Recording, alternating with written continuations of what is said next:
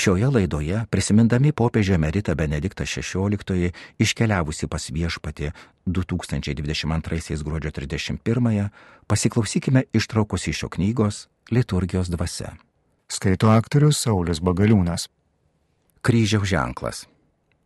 Pagrindinis krikščioniškasis maldos gestas yra ir lieka kryžiaus ženklas. Tai fiziniu judesiu išreiškiamas nukryžiuotojo Kristaus išpažinimas pagal programinius Šventojo Pauliaus žodžius. O mes kelbėme Kristų nukryžiuotąjį, kuris žydams yra papiktinimas, pagonims kvailystė. Bet pašauktiesiems, tiek žydams, tiek graikams, mes kelbėme Kristų, kuris yra Dievo galybė ir Dievo išmintis. Ir dar kartą. Net buvau pasiryžęs tarp jūsų nežinoti nieko kito kaip tik Jėzų Kristų ir tą nukryžiuotą užanspauduoti save kryžiaus ženklu yra regimas ir viešas taip, tam, kuris už mus kentėjo. Dievui valdančiam negriovimais, bet nuolankia kančia bei meilė, stipresnė už visas pasaulio galybės ir išmintingesnė už visą žmonių apskaičiuojantį protą. Kryžiaus ženklas yra tikėjimo išpažinimas. Tikiu į tą, kuris dėl manęs kentėjo ir prisikėlė. Į tą, kuris gėdo ženklą perkeitė vilties ir Dievo meilės mums dabar ženklą. Tikėjimo išpažinimas yra vilties išpažinimas. Tikiu į tą, kuris būdamas silpnas yra visagalis. Į tą, kuris būdamas tariamai nesantis ir tariamai silpnas, gali mane išgelbėti ir išgelbės. Brėždami kryžiaus ženklą, statome save kryžiaus apsaugon laikome jį prieš save tarsi skydą, pridengianti mus nuo mūsų dienų negandų ir teikianti drąsos žengti toliau. Laikome šį ženklą kelrodžiu, rodančiu kokiu keliu sukti.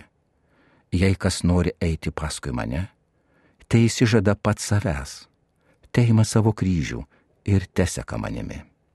Kryžius mums parodo gyvybės kelią, sekimą paskui Kristų kryžiaus ženklą siejame su trejybinio Dievo tėvo, sunaus ir šventosios dvasios išpažinimu. Tad jis tampa krikšto priminimu, dar iškesniu tada, kai naudojame ir pašventintą vandenį. Kryžius kančios ir kartu prisikelimo ženklas. Jis, taip sakant, yra gelbenti lasda, kurią mums Dievas ištiesia tiltas vedantis mus pas jį per mirties bedugnę ir pro visus piktojo grasinimus. Jis sudabartinamas per krikštą, kurio metu atsidurėme viename laikė su kryžiumi ir prisikelimu. Visada, kai atliekame kryžiaus ženklą, iš naujo priimame krikštą. Kristus, taip sakant, nuo kryžiaus patraukė mus prie savęs ir taip įtraukė į bendrystę su gyvuoju Dievu.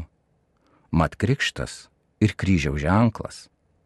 Krikštą tartum apibendrinantis ir pakartojantis, pirmiausia yra Dievo įvykis. Šventoji dvasia veda mus pas Kristų, o Kristus atveria vartus tėvo link. Dievas nebėra nepažįstamas Dievas, jis turi vardą.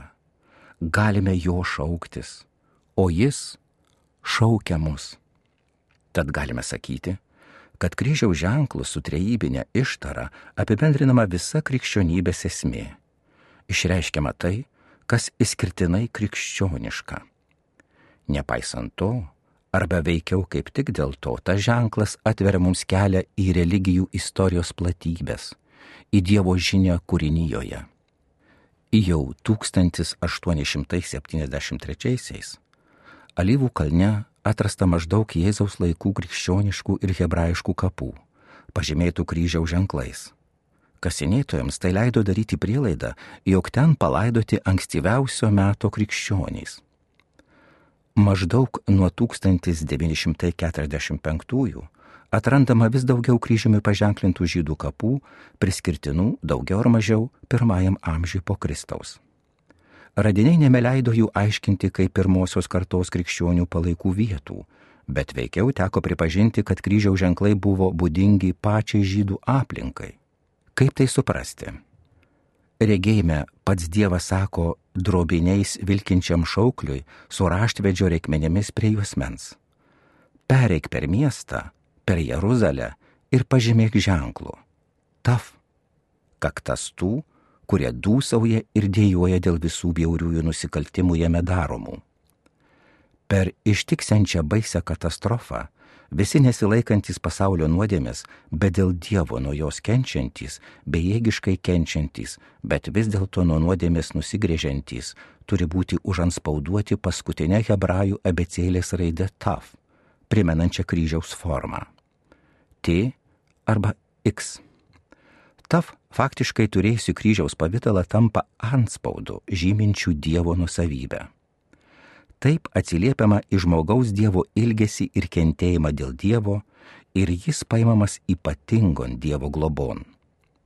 Dinkleris parodė, kad kulto stigmatizacija rankose ar ant kaktos Senajame testamente įvairiai suponuojama ir kad tas paprotys žinomas ir Naujojo testamento laikais. Naujajame testamente toliau tęsiama pagrindinė Ezechielio regėjimo mintis. Kapų radiniai ir anu meto tekstai atskleidžia, kad ir kai kuriuose žydų sluoksniuose raidė taf buvo paplitusi kaip šventasis ženklas, kaip Izraelio Dievo išpažinimo ir kartu kaip vilties, kad būsi jo saugomas ženklas. Dinkleris apibendrina savo išvalgas ištara, kad kryžiaus išvaizdos raidė taf į vieną ženklą sutrauktas ištisas tikėjimo išpažinimas, į regimą vaizdą įvilkta tikima, laukiama tikrovė, o tas vaizdas yra daugiau negu vien veidrodis, iš jo tikimasi gelbėjančios jėgos. Krikščionys, kiek mums žinoma, iš pradžių šiuo žydų kryžiaus simboliu nesirėmė, bet kryžiaus ženklą atrado savo tikėjimo viduje ir jame išvelgė savo tikėjimo visumą. Bet ar vėliau Ezechielio regėjimas apie gelbėjančią taf ir visą tuo paremtą tradiciją jiems neturėjo pasirodyti kaip žvilgsnis į būsimuosius dalykus? Ar dabar kaip tik nėra atidengta tai, kas šiuo paslaptingu ženklu turėta galvoje? Argi kaip tik dabar nepaaiškėjo, kad jis priklausas, iš ko semėsi jėgos? Ar visame tame jie neturėjo žvelgti artinimuose prie Jėzaus Kristaus raidę taf, dabar tikrai pavertusio gelbėjimo jėga kryžiaus? Dar atviriau graikų kultūros erdvėjai priklausančius bažnyčios tėvus užkabino kitas atradimas. Platono raštuose jie aptiko keistą įsivaizdavimą, kad kosmosui įspaustas kryžius Platonas šitai perėmė iš pitagoriškos tradicijos, kuri savo raštu buvo susijusi su senųjų rytų tradicijomis. Pirmiausia, tai astronominė ištara. Abu antikai, žinomi didieji šviesulių judėjimai, ekliptika, didysis ratas dangaus rutulyje, kurio neva juda Saulė, ir Žemės orbita, susikerta kartu sudarydami graikišką raidę chi, kuri irgi vaizduojama kaip kryžius, taigi kaip X kosmosui kaip visumai įspaustas kryžiaus ženklas. Platonas, vėl vadovaudamasis senesnėmis tradicijomis, tai susijęo su dievybės įvaizdžiu. Demirgas, pasaulio kuriejas, pasaulinė siela paskleidė po visą visatą. Iš Palestinos kilęs Justinas Kankinys, pirmasis filosofas tarp bažnyčios tėvų, atradęs Platono tekstus, nedvėjodamas susijęo juos su mokymu apie trejybinį Dievą ir jo veikimą išganimo istorijoje per Jėzų Kristų. Demirgo ir pasaulinio sielos vaizdinį jis laiko taisytina, bet kartu ir pataisyti įmanoma iš ankstinę tėvo ir sunaus nuovoką. Tai, ką Platonas sako apie sielą, jo akimis yra nuoroda į logos, Dievo sunaus ateimą tad dabar jis gali ištarti, kad kryžiaus pavydalas iškiliausiai simbolizuojas logos viešpatyje, be kurios nebūtų sąryšio visoje kūrinyjoje. Golgotos kryžiaus pirmavaizdis yra paties kosmoso struktūra, kankinimo įrankis, ant kurio mirė viešpats įrašytas į visato struktūrą. Kosmosas kalba mums apie kryžių, o kryžius padeda įminti kosmoso myslę Jis yra tikrasis tikrovės supratimo raktas. Istorija ir kosmosas neperskiriami. Atmerkę akis, Kristaus žinę perskaitome visatos kalbą. Ir priešingai, Kristus leidžia mums suprasti kūrinijos žinę. Nuo Justino ši Platono kryžiaus pranašystė ir joje aikštėn iškylantis kosmoso ir istorijos sąryšis tampa viena iš bažnyčios tėvų pagrindinių minčių. Tai, kad filosofas apibendrinęs ir paaiškinęs seniausias tradicijas kalbėjo apie kryžių kaip visatai įspraustą ženklą, bažnyčios tėvams turėjo būti pritrenkintis atradimas.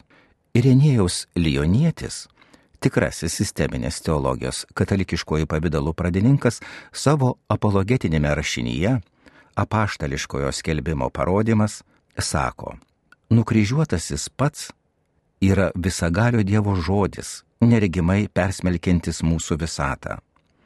Todėl jis apriepia visą pasaulį į plotį ir ilgį, į aukštį ir gylį.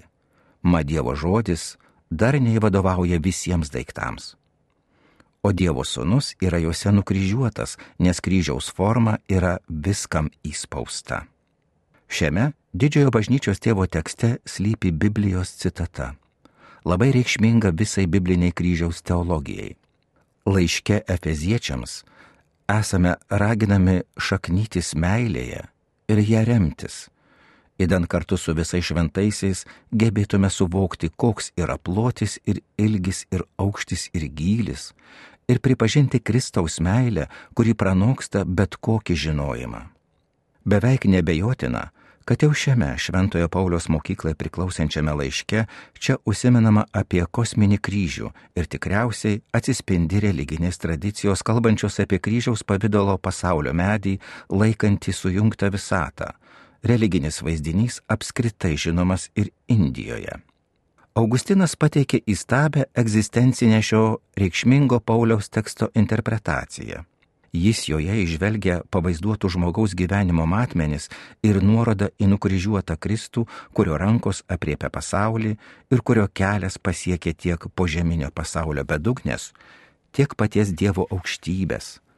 Hugo Ragneris surinko gražiausius bažnyčios tėvų meto tekstus apie kosminį kryžiaus lėpinį. Čia norėčiau pacituoti tik du.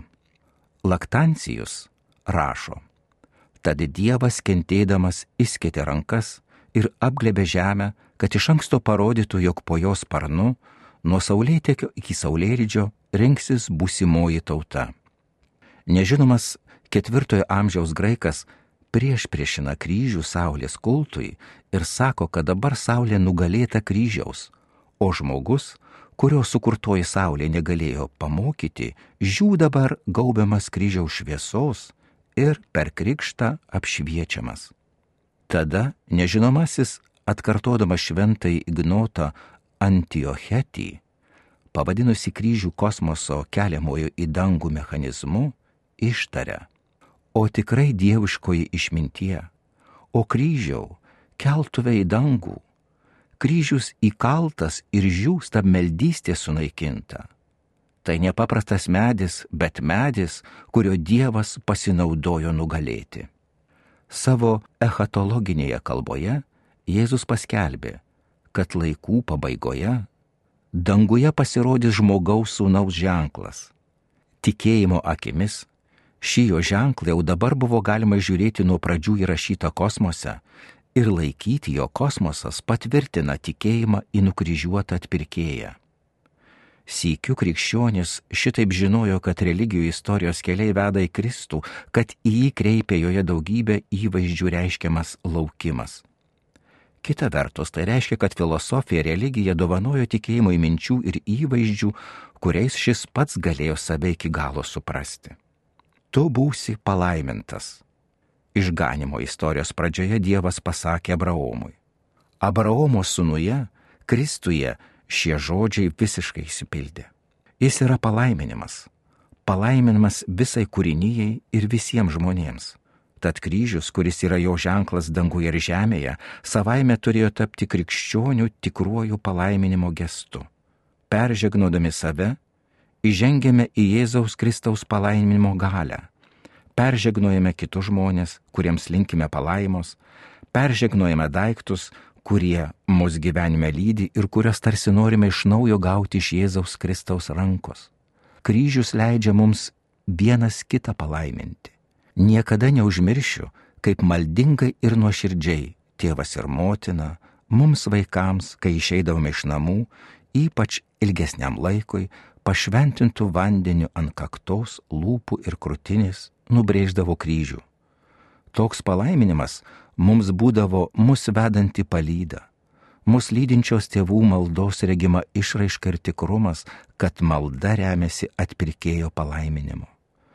Palaiminimas taip pat būdavo reikalavimas nepasitraukti nuo to palaiminimo erdvės. Laiminti yra kunigiškasis veiksmas, tad šiame kryžiaus ženkle pajusdavome tėvų kunigystę, jos ypatingą kilnumą ir jėgą. Manau, kad toks palaiminimas, kaip visiškai galiojanti visų pakrikštytųjų bendrosios kunigystės išraiška, turėtų vėl daug labiau įžengti į mūsų gyvenimą ir persunkti iš viešpaties kylančios meilės jėga. Laikysenos, klūpėjimas, prostratio. Yra gana įtakingų sluoksnių, mėginančių įkalbėti mus klūpėjimo atsisakyti. Neva tai netinka mūsų kultūrai, tiesą sakant kokiai. Nepridera pilnamečiam žmogui, tiesiai stovinčiam Dievo akivaizdoje ar atpirktajam žmogui, kuris Kristaus išlaisvintas ir neturi klūpoti. Metę žvilgsnį į istoriją, galime konstatuoti, kad graikai romėnai klūpėjimą atmetė. Turint prieš akis šališkus ir besivaidinčius dievus, tokie vaizdavimai mituose tokia nuostata visiškai teisėta. Buvo akivaizdu, kad tie dievai nėra dievas. Net jei žmogus priklausė nuo jų kaprizingos galios ir privalėjo kiek įmanoma užsitikrinti jų palankumą. Todėl teikta, kad laisvam žmogui klūpėti negarbinga. Tai netitinka Graikijos kultūros, bet būdinga barbarams. Plutarchas ir Teofrastas klūpėjimą apibūdina kaip pritaringumo apraišką. Aristotelis vadina barbarišką elgseną. Augustinas jam tam tikrų atžvilgių pritarė. Netikri dievai tai yra kaukės demonų, privertusių žmogų garbinti pinigus bei savanaudiškumą ir taip padariusi jį pataikūnų bei prietaringų. Kristaus nuolankumas ir meilė lygi kryžiaus mirties pasak jo išlaisvino iš jų galių. Ir mes priklaupėme prieš tą nuolankumą. Iš tiesų krikščionių klūpėjimas yra ne įkultūrinimo į esamus papročius forma, bet priešingai apraiška krikščioniškosios kultūros, kuri esamą kultūrą perkeičia remdamasi nauju, gilesniu Dievo pažinimu ir patyrimu. Klūpėjimas kyla ne iš kokios nors kultūros, jis kyla iš Biblijos ir jai būdingo Dievo pripažinimo. Esminė klūpėjimo reikšmė Biblijoje konkrečiai rodo tai, kad žodis proskinein vien naujajame testamente pasitaiko 59 kartus iš jų 24 apreiškime Jonui knygoje apie dangiškąją liturgiją. Bažnyčios laikoma savo liturgijos metu. Atidžiau pažvelgę galime skirti tris artimai giminingas laikysenas. Pirma - prostratijo - parpolimas ant žemės triuškinančios Dievo galybės akivaizdoje. Antra - pirmiausia, Naujajame testamente minimas puolimas po kojomis ir galiausiai klūpėjimas.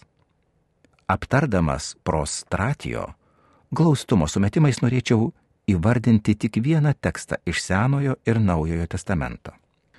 Štai Senajame testamente pasakojama apie Dievo pasirodymą Jozuėjai prieš užkariaujant Jerichą. Pasirodymas Biblijos rašytojo visiškai samoningai vaizduojamas panašiai kaip Dievo pasirodymas Mauzei degančiame krūme. Jozuė pamato viešpaties kariuomenės galvą ir sužinojęs, kas jis toks, parpuola kniūpščias priešais jį ant žemės. Ta akimirka jis išgirsta žodžius kadaise pasakytus mozei. Nusiauk sandalus nuo kojų, nes vieta, kurioje stovi, šventa. Iš slėpidingo viešpatės kariuomenės galvos pavydalo Jozuėjai kalba pats slaptingasis dievas ir jis parpuola priešais jį. Gražiai šį tekstą aiškina Origenas. Ar yra kokia nors kita viešpaties kariuomenės galva, išskyrus mūsų Jėzų Kristų? Vadinasi, Jozuė pagarbina tą, kuris turi ateiti, ateinantį Kristų. Pradedant bažnyčios tėvais, krikščioniškajam pamaldumui Naujajame testamente buvo ypač svarbus Jėzaus meldimasis alyvų kalne. Pasak Mato ir Morkaus, Jėzus parpuola kniūpščias, taip tikrai parpuola ant žemės Lukas, kuri savo visame veikale Evangelijoje ir apaštalų darbuose yra meldimosi klūpant teologas, priešingai mums praneša, kad Jėzus meldėsi klūpėdamas. Ši malda, įvesdinanti į kančią, yra pavyzdinė ir gesto ir turinio požiūriu. Gestas. Jėzus tarsi prisima žmogaus nuopolį, leidžia savo įpulti į nupolimą, kelia maldą į tėvą iš didžiausio žmogiškojo apleistumo ir vargo gilumos jis įdeda savo valią į tėvo valią. Te būna ne mano, bet tavo valia. Jis suima į save visą žmogiškosios valios priešginiavimą ir tai iškenčia. Kaip tik šis žmogiškosios valios įliejimas į Dievo valią yra atpirkimo širdis. Mat žmogaus nuopolis remiasi valių prieštara, žmogiškosios valios prieš priešą Dievo valiai, prieš priešą, kurią gundytojas žmogui bruka kaip jo laisvės sąlyga. Tik savarankiška, autonomiška valia, nepaklūstanti jokiai kitai valiai esanti laisvė. Ne mano, bet tavo valia. Štai tiesos žodis, nes Dievo valia yra ne mūsų valiai priešinga valia, bet jos pagrindas ir galimybė sąlyga. Tik stovėdama Dievo valioje, mūsų valia apskritai yra tikroji valia ir tampa laisva. Kentėjimas ir grūmimasis alyvų kalne yra grūmimasis dėl atperkančios tiesos, dėl to, kas perskirta, suvienimo, dėl suvienimo, kuris yra bendrystė su Dievu. Tad suvokiama, kodėl sunus į tėvą meiliai kreipiasi. Abba. Paulius šiame kreipinyje įžiūri maldą, kurią mums į lūpas įdeda šventoji dvasia mūsų dvasinę maldą, taip išaknydindama viešpatės alyvų kalno maldoje. Bažnyčios liturgijoje prostratijo šiandien pasirodo dviem progomis - didįjį penktadienį ir per aukštesnius šventimus. Didįjį penktadienį, viešpatės nukryžiavimo dieną, taip deramai išreiškiamas mūsų sukrenčiantis suvokimas, kad dėl Kristaus mirties ant kryžiaus kaltos ir mūsų nuodėmės parpuolame ir dalyvaujame į jo sukretime, jo nužengime į vargo gelmę. Parpuolame taip suvokdami, kur esame ir kas esame. Parpuolusieji, kuriuos tik jis gali pakelti. Kaip Jėzus parpuolame priešais Dievo galybę slėpinį, žinodami, kad kryžius yra tikrasis degantis krūmas, Dievo meilės liepsnos, kuri dega, bet nenaikina vietą. Per šventimus tai parodomas mūsų suvokimas, kad esame absoliučiai nepajėgų savo išgalimis vykdyti kunigiškai Jėzaus Kristaus užduoti - kalbėti vartodami jo aš. Išventinamiesiems gulint ant grindų, visa susirinkusi bendruomenė gėda visų šventųjų litaniją. To gulėjimo, kai buvau šventinamas į kunigus ir į vyskupus, niekada neužmiršiu kai buvau šventinamas vyskupu, deginantis nepakankamumo, savojo nepajėgumo užduoties didybės akivaizdoje, jausmas buvo dar stipresnis negu per kunigystės šventimus. Bažnyčios, kuri šaukėsi visų šventųjų, meldimasis mane tiesiog apgaubė ir apglėbė.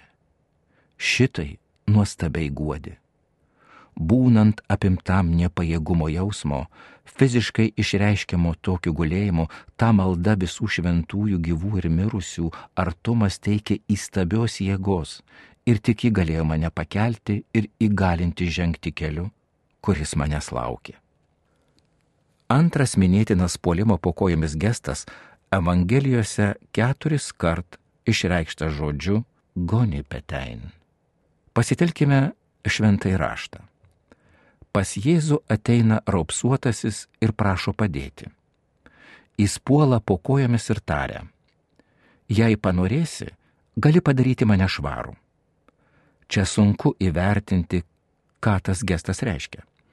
Tai žinoma, netikrasis garbinimo aktas, bet veikiau karštai kūno judesių reiškiamas prašymas, kuriame aikštien iškyla pasitikėjimas gale, pranokstančia vien žmogiškasias išgalės o klasikinis žodis proskinein žymi garbinimą parpuolus ant kelių. Kad išryškinčiau klausimą kylantį vertėjui, vėl parinkau du pavyzdžius. Pirmiausia, tai istorija apie Jėzų, kuris po duonos padauginimo pasilieka ant kalno su tėvu, kai mokiniai bergždžiai ežere grumėsi su vėju ir bangomis. Jėzus ateina pas juos vandens paviršiumi. Petras skuba jo pasitikti ir viešpaties išgelbėjimas, kad nepaskestų. Tada Jėzus įlipa į valtį ir vėjas nurimsta. Tekste toliau rašoma, mokiniai valtyje parpuolė prieš Jėzų sakydami, tikrai tu Dievo sūnus. Ankstesniuose vertimuose rašyta, mokiniai valtyje pagarbino Jėzų sakydami. Abu vertimai teisingi. Abiejose išryškinamas vienas vyksmo aspektas. Naujuosiuose vertimuose fizinė išraiška, senuosiuose vidinis vyksmas. Matai, kad Jėzus pripažinimo Dievo sūnumi gestas yra garbinimas, visiškai aiškiai rodo pasakojimo struktūra. Su panašia problematika susidurime Jono Evangelijos pasakojime apie aklą gimusi žmogų. Ši tikrai teodramatiška istorija baigėsi Jėzaus ir išgydyto neregio dialogu, kuris yra atsivertimo dialogo prototipas lygiai kaip ir visa istorija suvoktina kaip krikšto egzistencinės bei teologinės reikšmės vidinis aiškinimas. Šiame dialoge Jėzus vyro klausia, ar šis tikys į žmogaus sūnų. Neregys nuo gimimo į tai atsako, o kas jis viešpatė? Kai Jėzus pasako, dabar jis su tavimi kalba. Vyras išpažįsta tikėjimą. Tikiu viešpatė. Ir tada jis parpuolė priešais jį. Ankstesniuose vertimuose pasakyta ir jis jį pagarbino. Iš tiesų visa scena nukreipta į tikėjimo aktą ir iš jo išplaukianti Jėzaus pagarbinimą. Dabar praregi ne tik kūno, bet ir širdies akis. Vyras tikrai tapo regintis. Aiškinant tekstą svarbu tai, kad Jono Evangelijoje žodis proskinein pasitaiko 11 kartų. Iš jų devynis Jėzaus pokalbėje su Samariete prie Jokūbo šulinio. Tas pokalbis visas paskirtas garbinimo temai. Ir nebejotina, kad čia šis žodis kaip apskritai Jono Evangelijoje reiškia garbinti. Ir šio pokalbio pabaigoje, kaip ir ankstesnio su neregiu nuo gimimo, Jėzus save apreiškia. Tai aš, kuris su tavimi kalbu. Prie šių tekstų taip ilgai apsistojau todėl, kad juose aikštien iškyla šis tas svarbaus. Dviejose čia išsameu panagrinėtose ištraukose apskritai neįmanu atskirti žodžio proskinain dvasinės reikšmės nuo fizinės. Kūno gestas kaip toks turi dvasinę prasme, būtent garbinimo prasme, be kurios būtų beprasmis, o dvasinis aktas dėl žmogaus kūno ir sielos vienybės vėlgi neišvengiamai turi pasireikšti kūno gestu. Abu aspektai viename žodyje taip susilydę, todėl kad vidujiškai vienas nuo kito neatskiriami. Kai parklupimas virsta grinu išoriškumu, vien kūno aktu, jis tampa beprasmis, bet ir tada, kai kas nors mėgina garbinimą atitraukti vien į dvasinę sritį ir jo nesukūninti, garbinimo aktas užgesta. Nes vien tai, kas dvasiška, netitinka žmogaus esmės. Garbinimas yra vienas iš tų pagrindinių aktų, kurie apriepia visą žmogų. Todėl parklupimo priešais gyvojo Dievo artumą nevalia atsisakyti. Šitaip jau priartėjome prie tipiškos klūpėjimo ant abiejų ar vieno kelio laikysenos. Hebrajiškame Senajame testamente žodį berek, kelis, atitinka veiksmažodis barak, klūpėti. Kelius hebrai laikė jėgos simboliu. Tad sulenkti kelius reiškia sulenkti savo jėgą priešais gyvą į Dievą, pripažinti, kad visa tai, kas esame, esame gavę iš Jo. Šiuo gestu esminiuose Seno testamento tekstuose išreiškiamas garbinimas. Saliamonas šventinant šventyklą suklupo ant kelių visos Izraelio bendrijos akivaizdoje. Po tremties sugrįžusio Izraelio kuris dar neturi šventyklos varguose vakarinės aukos metu tą patį padaro Ezra. Puoliau ant kelių ištiesiau rankas į viešpati savo Dievą ir meldžiau. Didžioji psalmė apie kančią. Mano Dieve, mano Dieve, kodėl mane apleidai? Baigiama pažadu. Priešais jį parklups žemės galingieji, priešais jį parpuls visi, kurie miega žemėje. Giminingą tekstą apmastysime Naujojo testamento kontekste. Apaštalų darbuose pasakojama, kad klūpomis meldėsi šventasis Petras, šventasis Paulius ir visa krikščionių bendruomenė. Mūsų klausimui ypač svarbus pasakojimas apie šventojo Stepono kankinystę. Pirmasis liudytojas krauju kančios požiūriu vaizduojamas kaip tobula kopija Kristaus, kurio kančia liudytojo kankinystėje atkartojama iki smulkmenų. Prie to priskirtina ir tai, kad Steponas suklupęs ištarė nukryžiuotojo Kristaus prašymą viešpatė, neįskaityk jiems šios nuodėmės. Prisiminimus, kad Lukas, kitaip negu Matas ir Morkus sakė, jog viešpats alyvų kalne meldėsi klūpėdamas, tampa aišku, kad jis nori, jog pirmojo kankinio suklupimas būtų suvokiamas kaip įžengimas į Jėzaus maldą. Klūpėjimas yra ne tik krikščioniškas, bet ir kristologinis gestas. Svarbiausia klūpėjimo teologija man yra ir lieka didysis himnas apie Kristų. Šiame iki Pauliaus sukurtame himne girdime ir regime meldžiantis apaštalų bažnyčią ir išvystame jos Kristaus išpažinimą. Bet nugirstame ir apaštalo įžengusio į tą maldą ir ją perdavusio balsą galiausiai vėl suvokiame gilę vidinę Senojo bei Naujojo testamento vienybę ir kosminę krikščioniškojo tikėjimo platybę. Himne Kristus vaizduojamas kaip pirmojo Adomo priešingybė. Pastarasis mėgina savavališkai pasiglemšti dievystę, o Kristus godžiai nesilaiko savo dievystės, turimos iš prigimties, bet nusižemina iki kryžiaus mirties. Būtent tas nusižeminimas, kylantis iš meilės, yra tai, kas tikrai dieviška ir dovanoja jam vardą kilniausiai iš visų vardų, kad Jėzaus vardui priklauptų kiekvienas kelias danguje, žemėje ir po žemę. Apaštalų bažnyčios gimne čia perimami pažado žodžiai. Prisiekiau savim, mano lūpos ištarė tiesą, net šaukiamą žodį, kiekvienas kelias klaupsis prieš mane turint vienu metu prieš akį Seną ir Naują Testamentą, tampa aišku, kad Jėzus kaip tik kaip nukryžiuotasis turi vardą kilniausiai iš visų vardų ir pats yra tos pačios prigimties kaip Dievas. Per jį, nukryžiuotai, įsipildo drasus senosios sandoros pažadas. Visi priklaupė prieš Jėzų. Nužengusį ir kaip tik taip priklaupė prieš tikrąjį Dievą virš visų dievų kryžius tapo pasaulį apglėbiančių Dievo artumo ženklų. Ir čia į galvą turi ateiti visa, ką anksčiau išgirdoma apie istorinį bei kosminį kryžių. Krikščioniškoji liturgija yra kosminė būtent todėl, kad priklaupia prieš nukryžiuotą ir išaukština viešpatį. Šitai yra tikrosios kultūros, tiesos kultūros šerdis.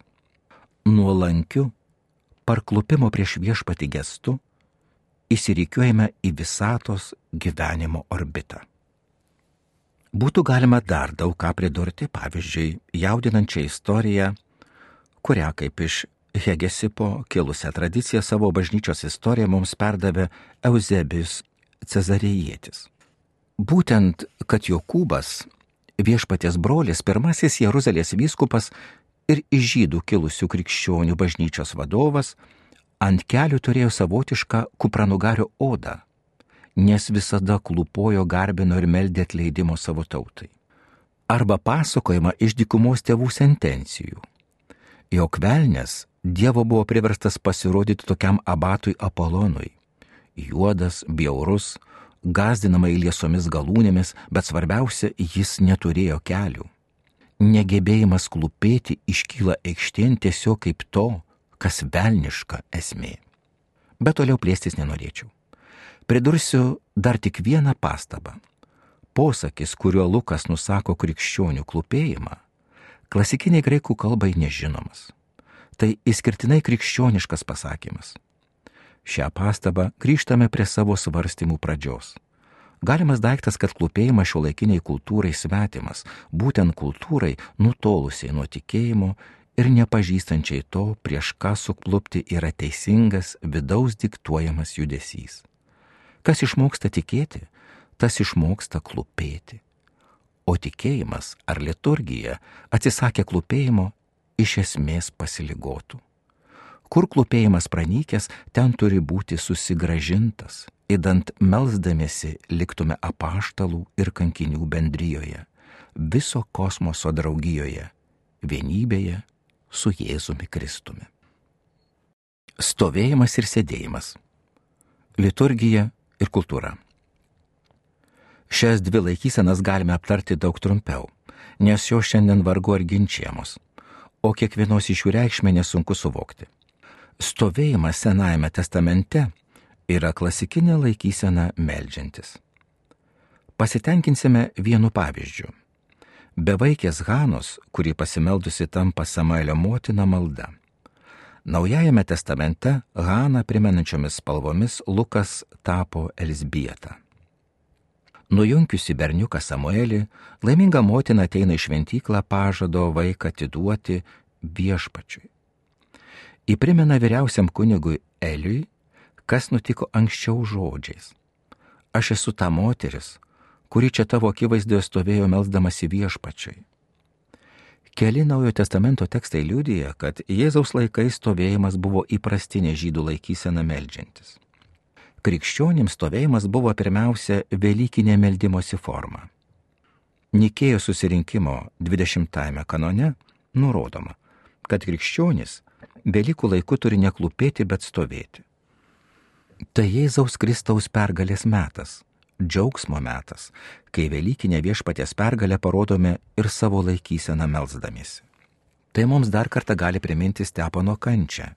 Siautė ant priešininkams išvelgia į dangų, kur mato tėvo dešinėje stovinti Jėzų.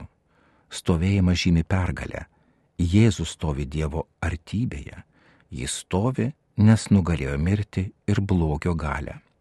Liaudiškasis pamaldumas yra dirba, be kurios liturgija negali klestėti.